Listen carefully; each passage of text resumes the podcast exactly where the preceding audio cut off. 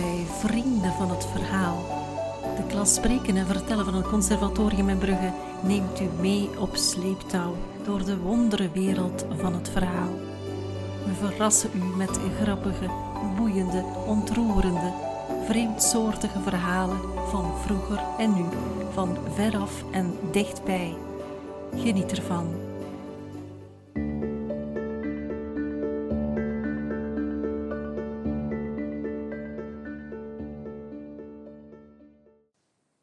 Dag vrienden van het verhaal, proficiat met jullie eerste podcast, ik heb ervan genoten en ik heb hier ook zes woorden waar ik zeer graag het verhaal achter zou horen. Hier komen de woorden, ze zijn jong, verliefd en moordenaars. Ga daar voor mij eens mee aan de slag. Dankjewel Erik voor dit leuke zeswoorden verhaal. Anneleen, Emma en Ruben zijn er enthousiast mee aan de slag gegaan. Geniet ervan.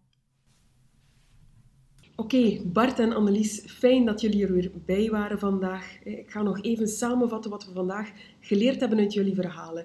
Dus Annelies, supergoed dat je die muis gewoon hebt gevangen en buiten hebt gezet in het bos en die daar hebt vrijgelaten. Dat is echt heel goed gedaan. Je onthoudt ook, als je een spin ziet, waar Bart bijvoorbeeld bang voor is, dat is geen enkel probleem dat je die dan doodslaat. Dat mag. Daar wordt niet raar over gedaan in onze maatschappij. Maar Bart, waar we toch nog echt gaan moeten aan werken, dat is het feit dat je je liefdesrivaal niet mag vermoorden. Ik heb het al gezegd, daar moeten we echt aan werken. Dus daarom wil ik jullie graag opnieuw uitnodigen voor een nieuwe sessie volgende week. Zelfde tijd, zelfde plaats, hier in de gevangenis van Brugge. Dan kom ik jullie opnieuw uit jullie cel halen voor een nieuwe sessie van Ze zijn jong, verliefd en moordenaars.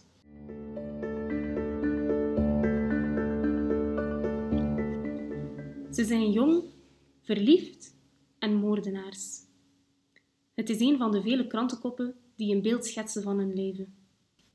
Twee jonge twintigers die al rovend en schietend door verschillende staten van Amerika trekken, samen op de vlucht voor de politie. En de kranten smullen ervan. De gangsters spelen ook graag het mediaspelletje mee. Heel gewillig poseren ze voor foto's, die ze dan bewust achterlaten voor de politie. Zij in een lange zwarte jurk met pistool in de hand, terwijl ze een dikke sigaar rookt. Of nog eens zij, die een geweer richt op hem, terwijl ze beiden in elkaars ogen kijken en glimlachen. Ze zijn jong, verliefd en moordenaars. En de mensen smullen ervan. Wat een lef hebben die twee om telkens banken te overvallen, die gruwelijke financiële instellingen die ons allemaal in een diepe economische crisis hebben gestort. Om er keer op keer mee weg te komen ook. En ja, af en toe wordt daar wel eens wat geweld bij gebruikt. Maar toch, ze komen ermee weg. Tot die laatste keer. Toen werden ze in de val gelokt. Ze reden naar de vader van een vriend. Toen plots uit de struiken waar ze voorbij reden een vuur van kogels werd afgeschoten. Het was een hels lawaai. Meer dan honderd kogels kwamen in hen en hun auto terecht. En toen het eindelijk stil werd, bleef van hun wilde leven enkel nog het verhaal over. Het verhaal van Bonnie en Clyde. Ze waren jong, verliefd en moordenaars. Ze zijn jong, verliefd en moordenaars. Samen vinden ze de lijken van twee mannen in de keuken van de boerderij. Ze lijken striemen in de hals te hebben, niet wetende dat hier twee zelfmoorden zijn gepleegd. Sluit de regisseur de ogen van het koppel. Jammer, zegt een agent die in de keuken naast de regisseur staat. Ze waren nog zo jong. Ken jij ze? vraagt de rechercheur. En terwijl hij luistert naar het verhaal van de agent, neemt hij notities. Zijn geheugen gaat achteruit en hij is bang voor een naderend ontslag. Ondanks de waarschuwingen van vroege dementie traint zijn geheugen niet, maar ondervindt hij daar wel de problemen van. Aan het eind van het verhaal gaat de rechercheur zwijgen naar buiten en zit hij te denken. Te denken aan zijn jonge jaren. Hij draagt een geheim in zich mee en deze wanhoopsdaad, zodat hij hem wel eens kunnen blootleggen. Hij was nog jong en verliefd. Verliefd op een man. En in zijn omgeving was dat schokkend de zoon van de inspecteur die homoseksueel is. Wat de blamage. Hij kon niet anders dan verliefd worden op een vrouw en werd verplicht met, om te trouwen met de dochter van de vleeshouwer. Ongelukkig ging hij door het leven als zoontje van de inspecteur en toen zijn vader stierf, scheidde hij zich van zijn vrouw. Hij bleef verdrietig, aangezien hij een bepaalde leeftijd had bereikt waarop het allemaal niet zo mee gemakkelijk gaat, als je begrijpt wat ik bedoel. Hij wou altijd, altijd schrijver worden. Hij nam de pen in de hand en schreef op servietten zijn woorden neer, die uiteindelijk tot een boek zouden leiden. Maar hij droeg een geheim in zich mee, en deze wanhoopsdaad in de keuken deed hem terugdenken aan die vervloekte tijd. Wanneer zou hij eigenlijk zijn geheim kunnen delen met... Ja, met wie? Hij heeft niemand. Enkel zijn collega's vinden hem een rare snuiter. Hij werd uit zijn gedachten gerukt door de sirene van een ambulance. Te laat.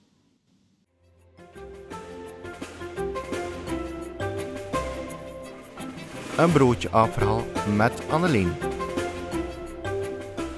Anneleen, ik heb wel een broodje hond, dat is een hotdog. Maar wat is een broodje aapverhaal?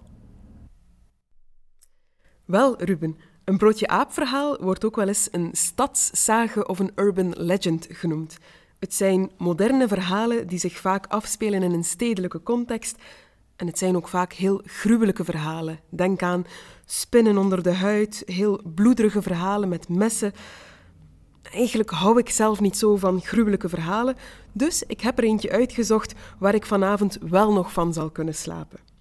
Mijn verhaal gaat over een jongen die net is afgestudeerd en die dus helemaal klaar is om in het werkveld te stappen. Maar daarvoor moet hij nog een belangrijke tussenstap nemen. Hij moet namelijk solliciteren. Ja, dat ziet hij niet meteen zitten. Hij krijgt er een beetje stress van, want vooral schrijven is niet echt zijn ding. Maar hij heeft er een oplossing op gevonden. Hij gaat naar de bibliotheek en vindt daar een boekje over solliciteren dat hem zeker zal kunnen helpen. Hij neemt het boekje mee naar huis en gaat er meteen vol enthousiasme in bladeren. En na een tijdje komt hij inderdaad een prachtige voorbeeldbrief tegen, een voorbeeld sollicitatiebrief, die hij zal kunnen gebruiken op zijn zoektocht naar werk. Hij gaat er dus meteen mee aan de slag, gaat achter zijn computer zitten en neemt een groot deel van de brief over. Hij past een paar persoonlijke zaken aan natuurlijk. Hij vermeldt zijn eigen studie, zijn persoonlijke interesses, maar voor de rest neemt hij heel wat zinnen uit die voorbeeldbrief over. Af en toe vindt hij die zinnen wel een beetje raar, maar hij denkt ja, die komen uit het voorbeeld, dus het zal wel kloppen. En verder stelt hij er niet veel vragen bij. In al zijn enthousiasme drukt hij de brief maar liefst tien keer af. De brieven komen in tien enveloppen en hij doet al die brieven op de post naar tien verschillende bedrijven, want hij wil echt heel graag werk vinden. Wanneer hij terug thuisgekomen is, nadat hij de brieven op de post heeft gedaan, denkt hij: Het is misschien goed dat ik al wat verder vooruit kijk. Dat ik al eens nadenk over de volgende stap, over wat ik moet doen als ik effectief een reactie krijg op één van mijn brieven. Hij neemt het boek er terug bij en slaat de bladzijde om. En wat leest hij daar? Opdracht. Haal de fouten uit het voorbeeld op de vorige bladzijde. Ja, ik ben vooral heel blij dat dit verhaal bewijst dat mijn job als leerkracht Nederlands nog niet meteen overbodig zal zijn. Mythisch goed. Een verhaal uit de tijd van Zeus en Hera. Emma, je houdt van Griekse mythes. Vond je het dan niet moeilijk om maar één verhaal te kiezen? Ja, dat was inderdaad een moeilijke keuze, maar ik heb een verhaal gekozen dat nu bij het seizoen past, namelijk de lente, wanneer alle bloemetjes in bloei staan, en dat is het verhaal van Narcissus. De naam Narcissus doet je misschien denken aan het vrolijke felgele bloemetje, de narcis, maar eigenlijk gaat achter dat bloemetje een heel triestig verhaal schuil. Narcissus was de knapste jongeman van heel Griekenland. Alle mensen die hem tegenkwamen werden op slag verliefd op hem. Maar zelf was Narcissus niet zo gesteld op al die aandacht. Hij trok zich liever terug in de bossen om zich te concentreren op zijn favoriete hobby, de jacht. Dagenlang kon hij met pijl en boog herten en everzwijnen achterna zitten. En in diezelfde bossen zwierf ook de bergnimf Echo rond. Op een bepaalde dag zag ze Narcissus een everzwijn achterna zitten en net als iedereen werd ze op slag verliefd op hem. Maar Echo had een probleem. Ze was namelijk door de goden gestraft voor haar onzinnige praat en kon nu zelf niets meer zeggen. Ze kon enkel nog herhalen wat anderen zeiden. Ze kon Narcissus dus ook niet benaderen en daarom hield ze hem van op afstand in de gaten. Maar uiteindelijk kreeg Narcissus dat door en hij riep nogal kwaad: Wie is daar? Wie is daar? herhaalde Echo. Narcissus was wat verward en keek rond zich heen, maar kon niemand zien. Waar ben je? Waarom verstop je je voor mij? Waarom verstop je je voor mij? Kom tevoorschijn! Kom tevoorschijn! En Echo durfde uiteindelijk tevoorschijn komen. Ze was een beetje verlegen, maar toch gaf ze Narcissus haar meest, liefdevolle glimlach. En ze ging dichterbij om hem te omhelzen. Maar Narcissus duwde haar van zich af. Van jou houden? Hm, dan sterf ik nog liever. En dat raakte Echo recht in haar hart. Dan sterf ik nog liever. En dag na dag werd ze dunner en dunner. En uiteindelijk kwijnde haar lichaam van verdriet weg. Alleen haar stem bleef nog over. Narcissus die trok zich er niet zoveel van aan en ging door met jagen. Maar van al dat jagen kreeg hij op een bepaald moment wel dorst. En in het bos zag hij een fris, koel riviertje. De ideale plek om zijn dorst te lessen. En toen hij vooroverboog om te drinken, zag hij in de rivier de knapste jonge man van heel Griekenland. Net als iedereen werd hij op slag verliefd.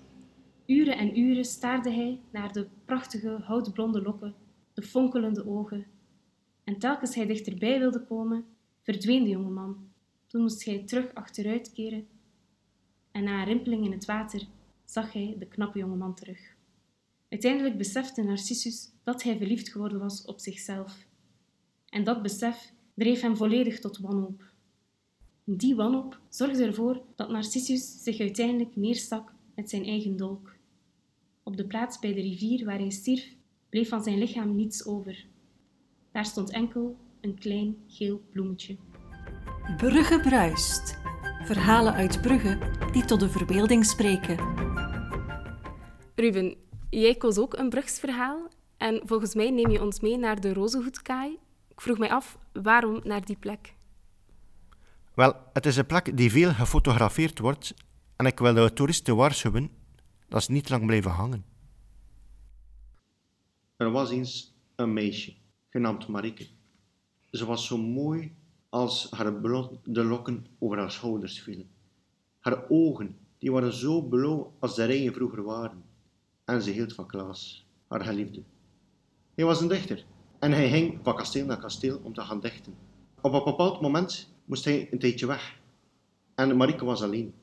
Om Klaas bij haar, voor de altijd bij haar te houden, had ze van Klaas een blauwe agaat gekregen.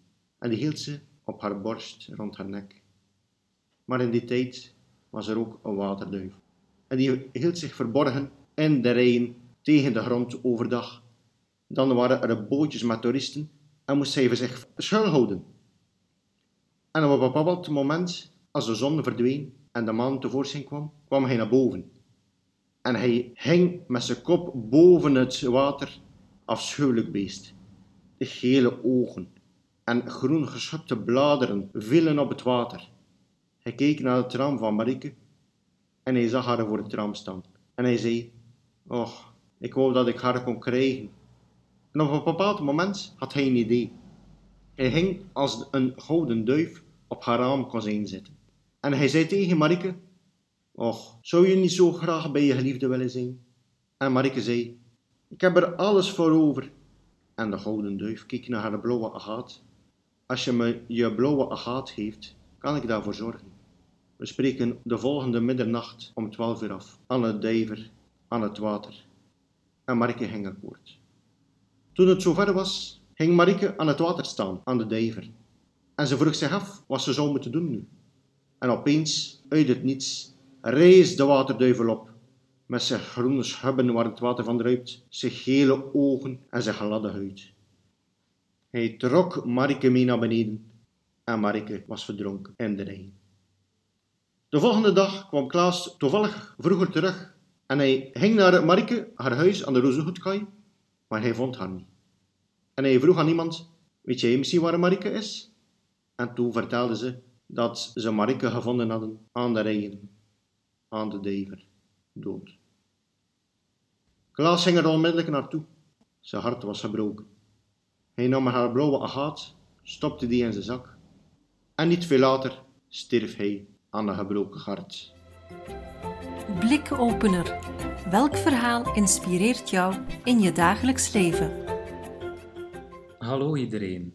In mijn vrije tijd ben ik een persoon die graag nadenkt over welke koers ik wil varen of over de zin van mijn bestaan. Ik heb het boek Monnikdenken dan ook bij de hand genomen van Jay Shetty. Hij is zelf monnik geweest en staat nu weer gewoon terug in de wereld. Ik heb het boek gelezen omdat een monnik mij ergens wel aantrekt. De meest uiteenlopende karakters proberen samen in een klooster in harmonie samen te leven, maar het gaat meer dan enkel over het samenleven. Alles begint bij je eigen houding en ook het onthechten, of anders verwoord, het loslaten van wat je dierbaar is. Ik weet dat deze woorden voor een oprisping kunnen zorgen, maar als je je openstelt voor enkele elementen van het beeldend verhaal, kan het juist beter verteerbaar worden. Ik richt me tot één hoofdstuk, dat van identiteit. Ik ben 25 jaar en heb het gevoel op een kantelpunt te staan van mezelf zien als een persoon dat ik denk dat de ander over me denkt, naar mezelf zien als een persoon die niet meer nadenkt over de ware ik, maar er gewoon naar handelt en leeft. Worstel jij ook met je eigen identiteit op het werk, hobby of wanneer je op stap bent met vrienden, dan kan dit beeldend verhaal, die ik zelf verzonnen heb, je gaan inspireren. De inspiratie komt van het monnikenverhaal. Madame Cordelia is de meest deftige vrouw van heel Parijs. Morgen gaat ze trouwen, maar ze heeft een soort van koudwatervrees. Enerzijds heeft ze wel zin om een welbepaald kleur aan te nemen, maar anderzijds voelt ze zich er nog niet klaar voor. De realiteit dwingt haar om een sneeuwwitte heldere jurk aan te trekken tijdens haar voorbereidingsweek. Ze trekt de deur van de gotische kerk open en ze ziet meteen in het midden een liturgische kandelaar staan. Ze denkt dat de jurk een helder witte glans gaat krijgen naarmate ze dichter gaat, maar ze ziet dat ze meer en meer de helder witte glans verliest. Ze is de meest deftige vrouw van Parijs, dit kan toch niet waar zijn? Ze wordt paniekerig, angstig. De droefnis komt haar naderbij. Ze heeft gewoon zin om bij de pakken te blijven zitten en haar burgerkleren terug aan te trekken, terug bij af, terug het gewone leven in. Maar wanneer ze de gotische kerkdeur wil opentrekken, ziet ze plots verschillende kleuren op haar kleed. De kleuren die zorgen voor een soort stormachtig conflict, ze lopen in elkaar over, ze duwen en trekken aan elkaar. Haar corset neemt een helder, sterke paarse kleur aan. Ze kan er maar één seconde naar kijken en ze kijkt meteen terug weer in richting van de liturgische kandelaar. In het midden van haar kleed, tussen de plooien, komt er daar een soort van perzikachtige kleur voor, iets dat platgetrapt is, waar er een laagje schuurpapier is overgegaan, iets dat flats is. Ze kan er maar één seconde naar kijken en ze kijkt meteen in richting van de liturgische kandelaar. En daar, ergens aan de rand van haar kleed, komt er een soort van mengeling tussen een zwart-bruinachtige kleur voor. Daar kan ze nog geen seconde naar kijken en ze kijkt meteen weer terug richting de kandelaar. Ze beseft bij die gedachte dat dit de plaats is waar ze haar eeuwige gelofte moet afleggen. De deur van de Gotische kerk blijft voortdurend gesloten. Ze wordt afgesloten van de wereld maar de liturgische kandelaar blijft ook op afstand. Plots bij deze situatie komt er een soort van atypische gloed over haar kleed heen. Het is geen echte kleur, het is een soort van zwak aura. Maar dat kleur komt enkel tot stand door de sterk doordringende kleur van glas in lood. De houden sleutel in het verhaal is proberen je innerlijke ruis en uiterlijke ruis op elkaar af te stemmen. Laat de ene niet luider klinken dan de andere. Warme groet, Wout. Het staat in de sterren geschreven. Leer het verhaal kennen achter jouw sterrenbeeld. Vandaag met Isaura. Als kind was ik helemaal weg van dit boek. En ook nu, zoveel jaren later, las ik het boek met veel plezier weer door. Al deze mythische verhalen rond de sterrenbeelden, bekend en onbekend. Maar ik moet toegeven, aanvankelijk was ik wat teleurgesteld over mijn verhaal. Het verhaal van de boogschutter. Het verhaal speelt zich af in de tijd dat Herakles zijn grootste avonturen beleefde. Hij wilde zich ten dienste stellen van anderen en moest daarvoor tien grote opdrachten vervullen. Hij had er al drie vervuld, dus was nu tijd voor nummer vier. Hij moest een everzwijn vangen. Een gigantisch everzwijn met grote slagtanden dat zeer wild was en daardoor verdeelde het alles dat om hem heen stond. Dat kon dus niet en daarom moest het dier dringend gevangen worden. Maar het mocht niet gedood worden, want het was een heilig dier. Herakles vertrok en na een lange tocht naar het noorden kwam hij bij de berg van de Centauren. Daar woonde zijn vriend Volos en hij ging op bezoek, want hij was toch wel wat uitgeput van de lange tocht. Volos maakte wat eten klaar en Herakles vertelde wat hij daar kwam doen. Smakelijk at hij alles op, maar toch had hij daar graag een goed wijntje bij. Maar Volos had enkel een vat wijn liggen dat hij deelde met de andere centauren. En hij mocht daar enkel wijn van tappen wanneer de anderen dat goed vonden. Anders zouden ze hem vermoorden. Maar Herakles bleef aandringen en zei: Ik zal je toch wel beschermen tegen hem. En dus bezweek Volos onder de druk en vulde hij een kruik met wijn. Al snel verspreid de geur van de wijn over de berg, want het was een oude wijn. En zo kwamen alle centauren op hen af. Eerst begon er een discussie, want de centauren wouden natuurlijk niet dat Volos zomaar de wijn opende zonder toestemming te vragen. En al snel brak er een gevecht los. De centauren begonnen met grote stenen naar Volos en Herakles te smijten, die zich snel verscholden achter een grote steen. Twee centauren kwamen af met slagersmessen. In het nauw gedreven legde Herakles een pijl met gif op zijn boog en schoot de eerste centaur neer. Dit gif had hij gewonnen in een gevecht met de draak en had hij daar het gif meegenomen en op zijn pijlen gelegd. Deze kwamen nu goed van pas. Hij schoot de ene na de andere centauren neer. De centauren werden woedend. Ze schreeuwden en smeten zelf hele dennenbomen in de grot. Maar Herakles ging door, tot de meeste wel gestorven waren. Maar enkelen konden vluchten, en Herakles ging hen achterna. Ze vluchtten naar het zuiden, naar de koning van de centauren, Chiron. Ze dachten dat ze daar veilig waren, maar ook daar schoot Herakles met pijlen in het rond. Het gif van de pijlen doodde alle centauren heel snel. Eens de, het gevecht voorbij was, ging Herakles naar zijn vriend en oude leermeester Chiron. Deze lag neer in zijn grot, want hij was geraakt door een afgeweken giftige pijl in zijn knie. Herakles was wanhopig, wou hem genezen, wou hem verzorgen. Maar Chiron zei: Het is al te laat. Het gif is al in mij aan het verspreiden, en ik zal voor eeuwig en altijd pijn lijden. Ondertussen zag Zeus dit allemaal gebeuren, dus kwam hij tussen. Want Chiron had veel goedheid in hem. Hij wou niet dat hij leed voor de rest van zijn leven en liet hem dus sterven. Zo nam Zeus hem op in de hemel en zette hem daar neer als het sterrenbeeld boogschutter. Na het verhaal nog enkele keren te lezen en ook nu hier aan jullie te vertellen, ben ik toch wel trots dat ik een boogschutter ben. Dus bij deze bedankt Luxielen voor al die prachtige verhalen in een boek te gieten. En vooral dat van de boogschutter. Wout bedacht nog een verhaal bij de vorige zes woorden opdracht. Haar brief werd te laat bezorgd. Het Waals stadje Malmedy. Daar woont Anne. Ze woont op de rand van de wereld Malmedy, waar het centrum de plaatselijke brasserie is. Daar gaat het over grootse staatszaken, zoals de oogst van tarwe en de kersen die van een boom gestolen worden. Die vuile vogels, die vuile mussen. Waarom leeft Anne op het randje? Ze heeft een te grote boezem, te blond haar, te dikke lippen, een te kort rokje. Postbode Frederik is op weg. Hij en Annes buurman zijn zielsverwanten geworden. De verstrengeling gebeurt door één grote liefde. De Geneverfles. Oorzaak: eenzame weduwnaar Charles en een postbode die naarstig al uitkijkt op dertigjarige leeftijd naar zijn pensioen.